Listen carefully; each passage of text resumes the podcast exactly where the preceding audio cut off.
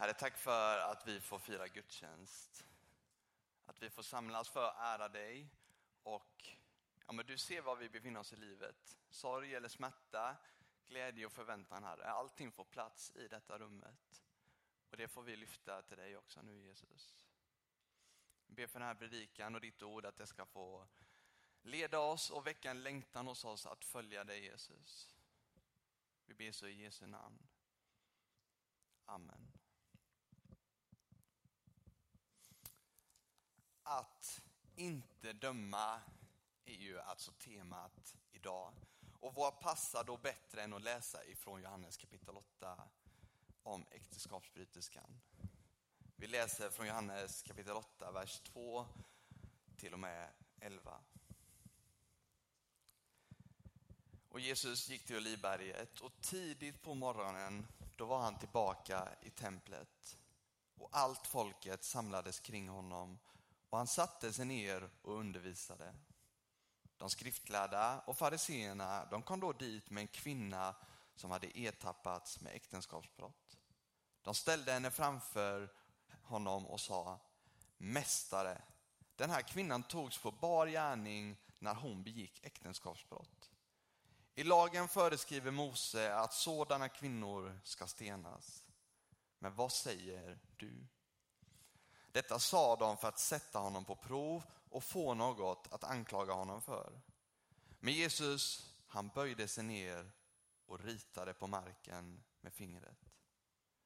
När de envisades med sin fråga, då såg han upp och sa, den av er som är fri från synd ska kasta första stenen på henne. Och så böjde han sig ner igen och ritade på marken.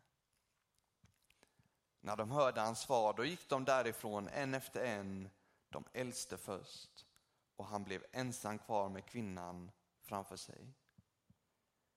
Jesus såg upp och sa till henne, kvinna, vad tog de vägen? Var det ingen som dömde dig? Och hon svarade, nej herre. Jesus sa, inte heller jag dömer dig. Gå nu och synda inte mer.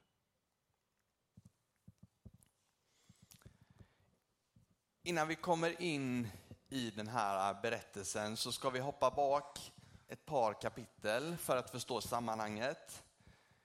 Det är lövhyddohögtiden, alltså en stor fest som hålls i Jerusalem och det innebär mycket folk i Jerusalem.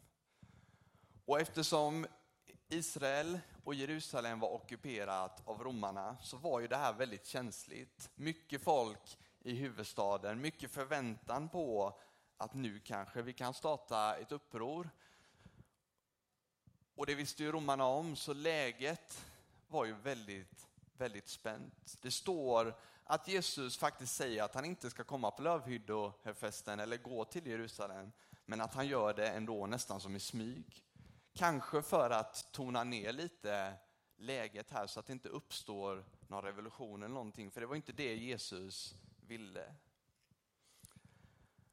Och så blir det ju ännu mer spänning när Jesus börjar göra anspråk i kapitlet innan om att han och Fadern är ett. Att, att han är sänd av Fadern. Och det gör ju fariseerna, judarna, väldigt arga på Jesus. Och så vill de få någonting att sätta dit honom för. Och så är det ny dag här i kapitel 8. Jesus är på tempelområdet och så kommer fariseerna och de skriftlärda med äktenskapsbryterskan. Och alla blickar den här morgonen, jag tänker att det är morgon, fäst på Jesus. Och det är det jag tänker att vi ska stanna upp lite kring idag. Först fariseerna och de judiska ledarna. För de ville ju sätta dit Jesus helt enkelt. Det här läget var ju perfekt. Det här var en chans att pröva om Jesus, ja men är han trogen Mose lag eller ej? De hade ju rätt egentligen att liksom, hittar vi någon som är otrogen så står det i tredje Mosebok 20.10 att kvinnan och mannen ska straffas med döden. I femte Mosebok 19 och 15 så står det också att man ska ta ett sådant beslut inför två eller tre eller flera vittnesmål. Vilket var fallet här nu när de samlas större, i en större skara. Men så står det ju också, och det förstår vi ju ganska snabbt, att de gör ju inte detta främst för att de vill ära Gud, vara trogen Gud, utan de gör det för att de vill sätta dit Jesus och döma Jesus. Och det tänker jag får bli liksom som vår första fråga här idag när temat är att inte döma. När vi kommer till samtal och mötet med människor, det kan ju vara vänner men det kan också vara människor som vi kanske inte alltid känner att vi klickar med eller, eller delar samma syn på. Liksom. Vilka motiv är det, liksom, vilka glasögon är det som jag har på mig när jag möter de människorna? Det kan ju vara så att det är avundsjuka eller ilska eller mina fördomar som jag vill få bekräftade nu när jag träffar en människa som inte är som jag. Och så kan jag känna mig lite bättre och så finns det liksom som en negativ energi som får växa för att jag liksom känner att amen, den här människan är ju så konstig.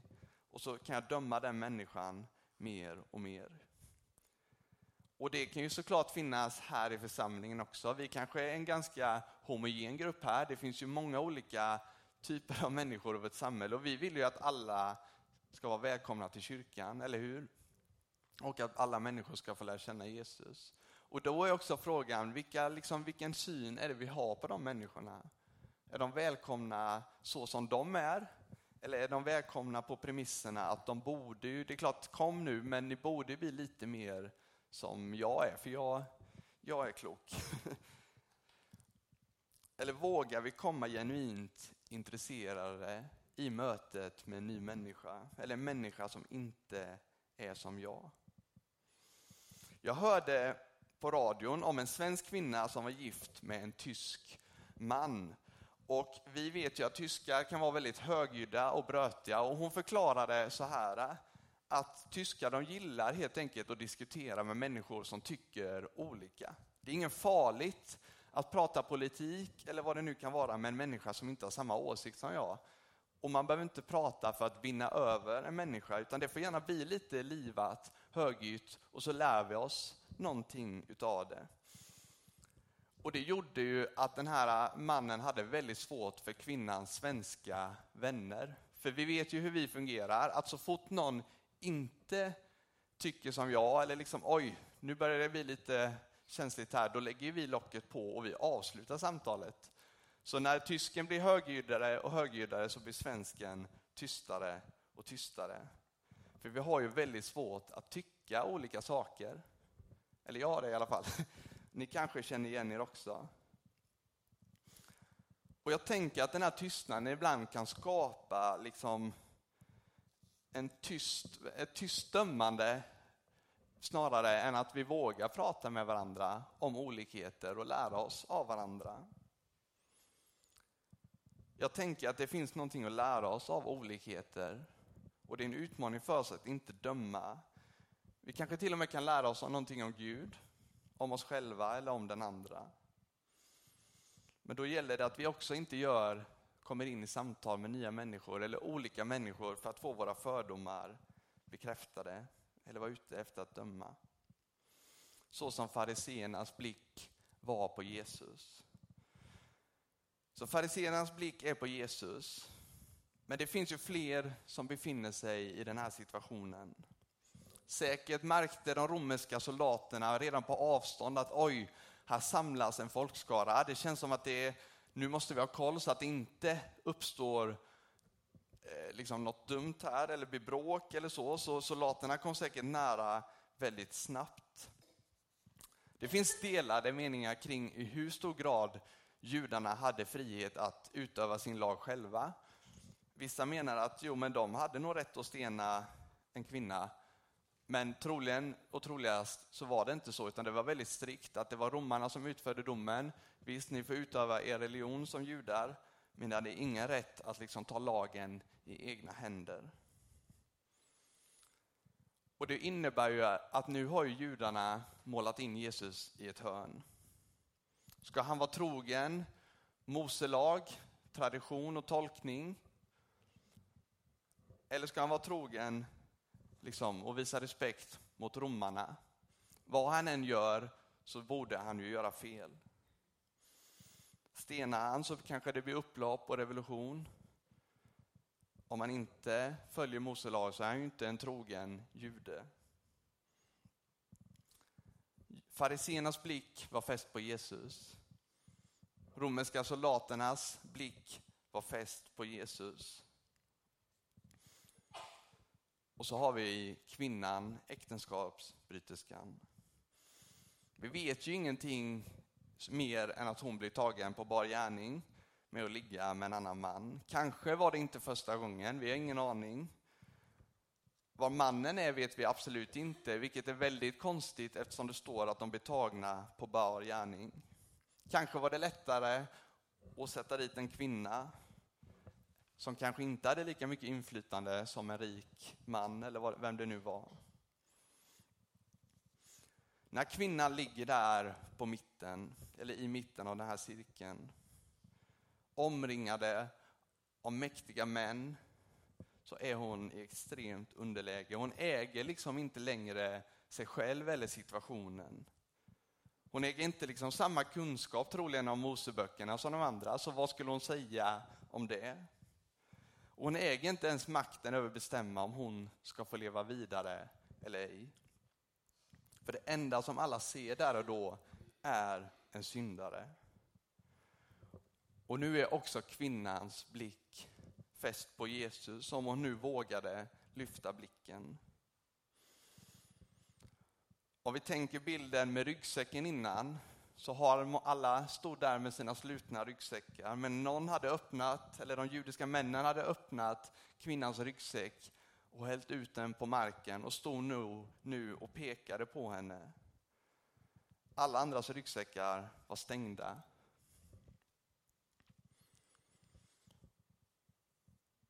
Och det blir säkert en väldigt lång tystnad. Vad ska Jesus göra nu? Och så säger han ju ingenting utan han sätter sig ner och börjar rita i sanden. Och Det blir nog så här obekvämt tyst som om jag skulle vara tyst lite för länge här uppe nu. Och så säger han sen de kända orden som vi vet talar så mycket till oss än idag. Att den som är fri från synd ska kasta första stenen. Jag tänker att när Jesus säger synd där så man kan ju tänka eh, synd liksom som att vara helt syndfri så som Jesus var. Men det är inte det Jesus främst faktiskt syftar på här.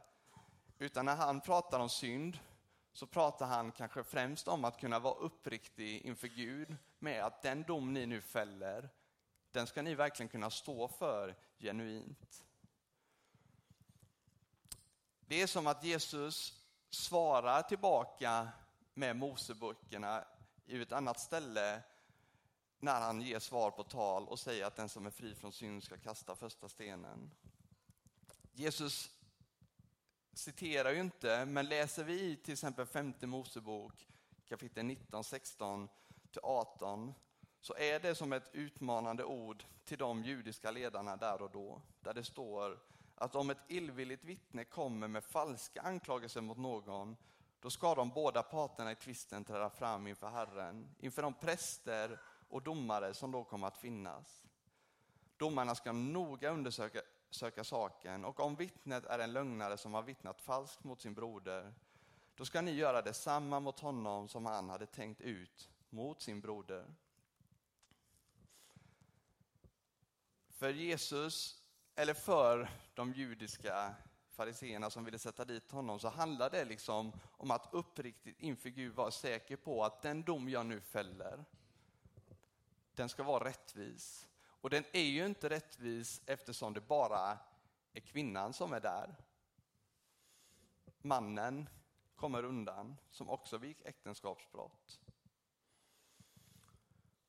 Och så står det ju att de går därifrån en efter en och de äldste gick först.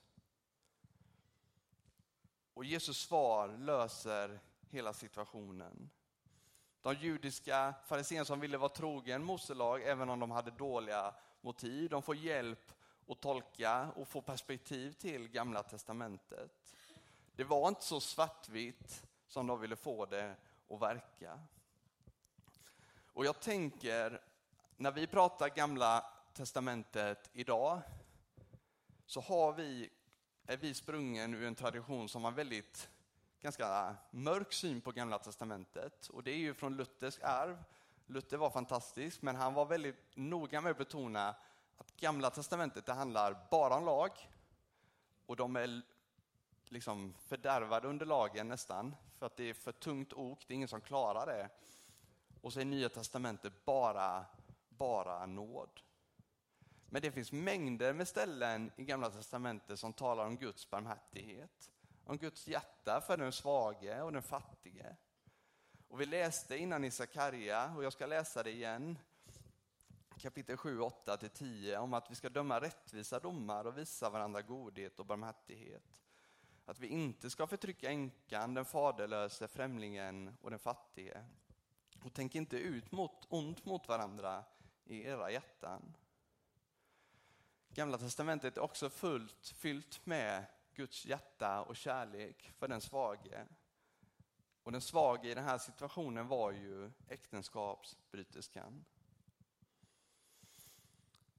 Och Jesus löser ju hela situationen i respekt mot övermakten, mot romarna och så räddande från att urarta totalt. Och som avslutning, om vi ska till kvinnan, så är det ju synen på henne som kanske framför allt får upprättas och ändras. Det som alla innan såg var en syndare, eller de såg ju henne till och med som ett redskap för att sätta dit en annan människa. Det är ju ganska lätt, vi dras ju med mycket i media. Vi pratar om att vi inte längre behöver kanske religion och så idag, men vi är väldigt snabba i samhället på att vilja ha en syndabock.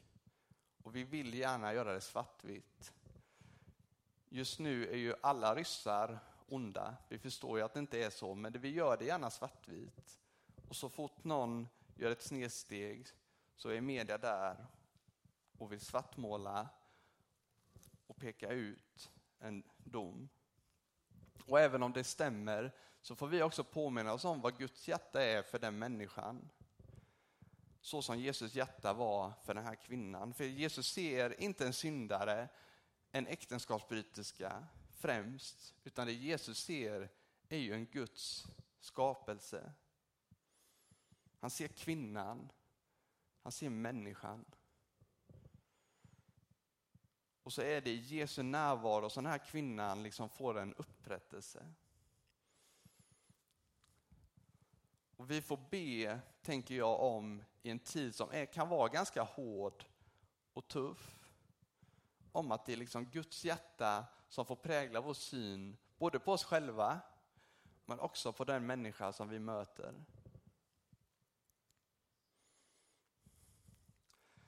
Det är ganska intressant att Jesus säger kvinna.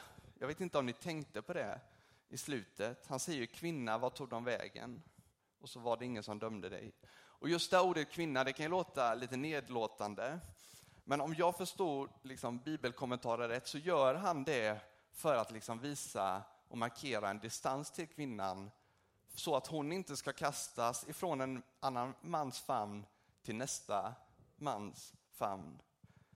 Utan Jesus hjälper henne i sin närvaro att ge henne en gräns.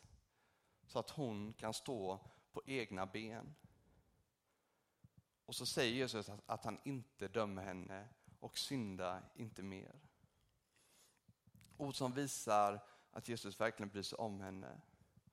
Och de här två grejerna, att inte synda mer och att inte döma, är ju det som inleder Johannes evangeliet där det står att Jesus var fylld av nåd och sanning.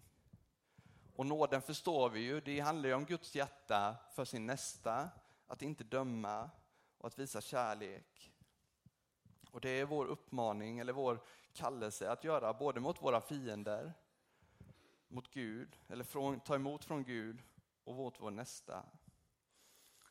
Men sanningen handlar ju också om en uppmuntran eller en utmaning till efterföljelse och omvändelse. Eftersom synd är ju någonting som förstör. Att begå äktenskapsbrott är ju någonting som splittrar. Och jag tänker en bra definition av synd är ju att det förstör relationen till Gud. Det förstör relationen till mig själv och till min nästa. Och det förstör ju också relationen till skapelsen.